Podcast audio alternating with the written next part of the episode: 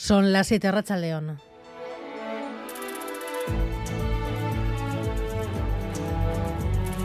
Gambara con Arancha García. Habrá un equipo vasco en la final. Estoy muy contento que nos haya tocado Osasuna, sobre todo la vuelta en San Mamés y, eso a ganarles. Osasuna está, este año está bien. Ojalá gane, sí, sí. Lo que queríamos todos, yo creo, y encima la vuelta a San Mamés que va más fácil. Pues mucho mejor que Madrid y Barça, a ver si tenemos un poco de suerte y, llegamos a la final. Lo he hablado con una amiga, le he dicho, joder, ojalá. Porque así entre el Madrid y el Barça que se vayan ellos y a nosotros a ver, que ahora el Osasuna está, estaba bastante bien en la Copa, pero vamos, yo creo que igual es un poco más fácil para nosotros. Osasuna Athletic, que gane Osasuna, ¿no? Aupa Osasuna. En Bilbao, en Iruña, los aficionados contentos ven posibilidades con el rival que les ha tocado. ¿Cuándo serán los partidos, John Zubieta? Bueno, de antes que nada, vamos a recordar que la final de la Cartuja del 6 de mayo tendrá a Osasuna o Athletic en la final de Copa tras el sorteo de las semifinales. En esta cita esperarán Real Madrid o Barcelona. El primer partido tendrá lugar en el Sadar y se manejan dos fechas, el 1 o 2 de marzo y el encuentro de vuelta se jugará en Samamés el 4 o 5 de abril. El IPC ha vuelto a subir por primera vez en varios meses, muy ligeramente hasta el 5,8. Los expertos dicen que es pronto para sacar conclusiones. En principio, no hay elementos para concluir que la inflación haya dejado de contenerse, pero sí que evidencia que la rebaja del IVA de los alimentos no ha tenido efecto y que la inflación subyacente aún no ha tocado techo. También el Euribor ha cerrado enero en máximos, casi 300 euros más cada mes. Gary Suárez, hemos salido a la calle con la calculadora en mano y una aplicación de línea, hacer un ejercicio, cuánto cobramos y cuánto deberíamos cobrar para mantener capacidad de gasto. Una herramienta que nos permite calcular cuáles serían nuestros sueldos si se hubieran aplicado subidas, bueno, pues supeditadas al incremento también de los precios. Los resultados, aumentos de 100, 200, 300 euros, que en la gran cantidad de casos no se han producido. Estas eran algunas de las reacciones de la gente al ver lo que tendrían que estar cobrando. Ahora tendrías que estar cobrando 164 euros más, que imagino que eso te vendría bien, ¿no? Hombre, sí, como a todo el mundo, está claro. Pero bueno, es lo que hay. Me parece que, que no, no, se cumple. No, hemos visto, no he visto ese incremento, pero ni, ni, por asomo. No, no, ya te digo yo que no, si cobro lo mismo, que desde que entré en esta empresa llevo, llevo 17 años. Uf. Bueno, pues fíjate, la diferencia. Yo creo que es importante. Pues me parece una burrada y, y una vergüenza y que, que, nos están tomando el pelo. Claro, se nota, porque son 100 euros siempre mucho diferente, que hace mucho con eso, ¿no? Y el PSOE anuncia la reforma de la ley del solo sí es sí, con o sin Podemos, aunque el Ministerio de Igualdad mantenga su negativa a tocar el texto. Los socialistas afirman que se puede modificar para impedir que siga la rebaja de condenas, manteniendo el principio de consentimiento. Nerea Sarriga, León.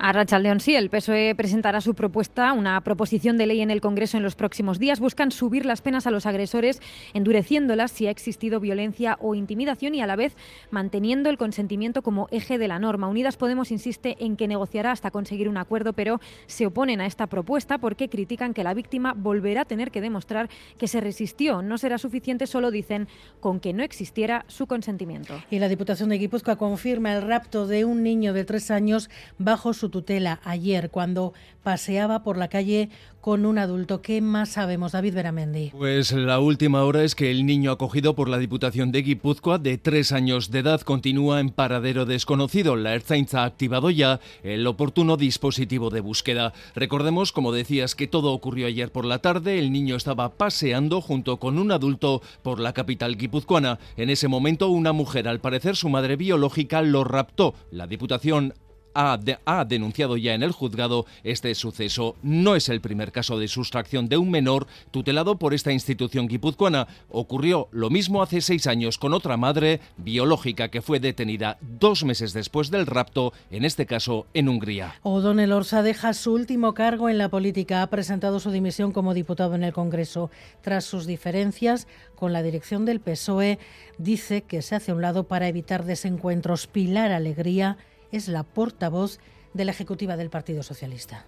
El máximo cariño hacia, hacia la persona y hacia la figura de, de O'Donnell Orcia, que ha sido clave y que sin lugar a dudas, independientemente de que ahora no ocupe un escaño en el Congreso de los Diputados, no tengo, vamos, no me cabe la más mínima duda que seguirá trasladando un compromiso claro a las siglas de a las siglas de su partido. Estados Unidos trata de rebajar la tensión entre israelíes y palestinos.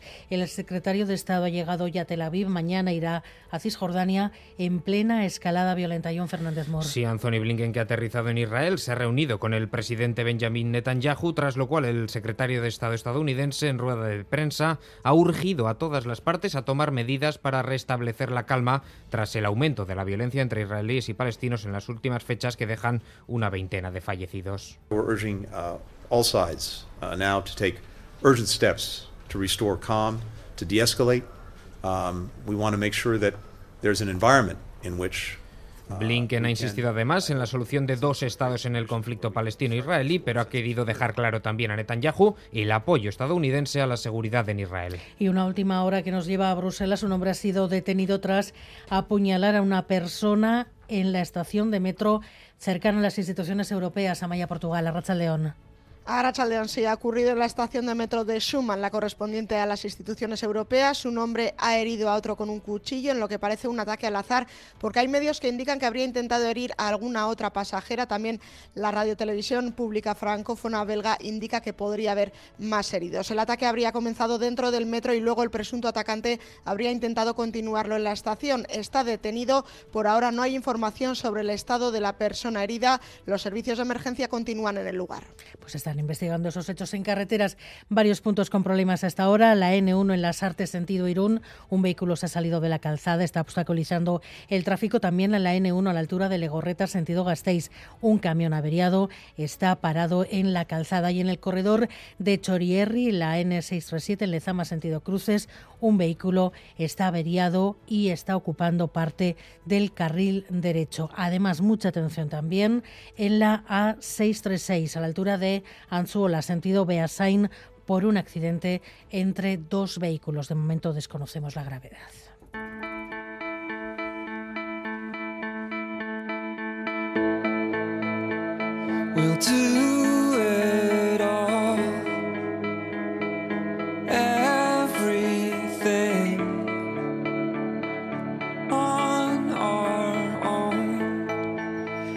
Se han preguntado por qué no hay mujeres en el sector de la construcción. Emacunde ha puesto hoy los datos encima de la mesa.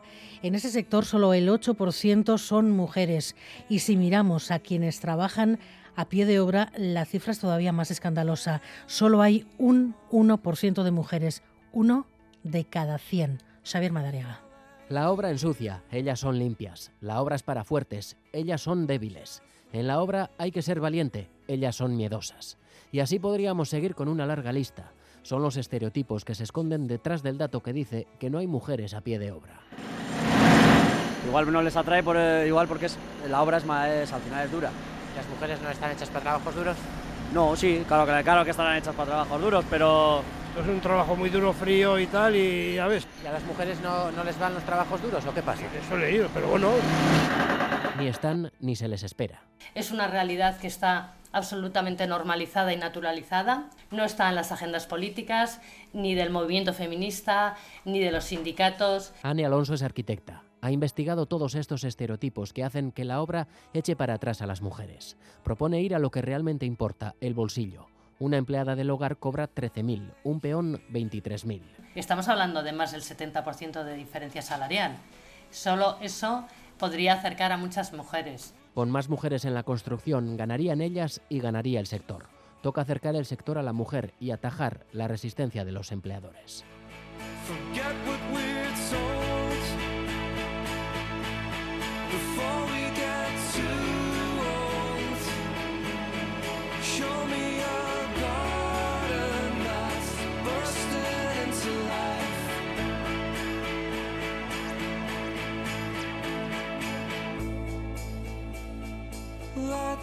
waste time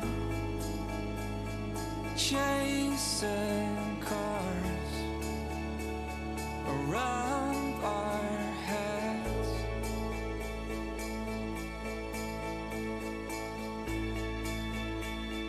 Miguel Ortiz Díaz y Aparicio están en la dirección técnica, Cristina Vázquez en la producción.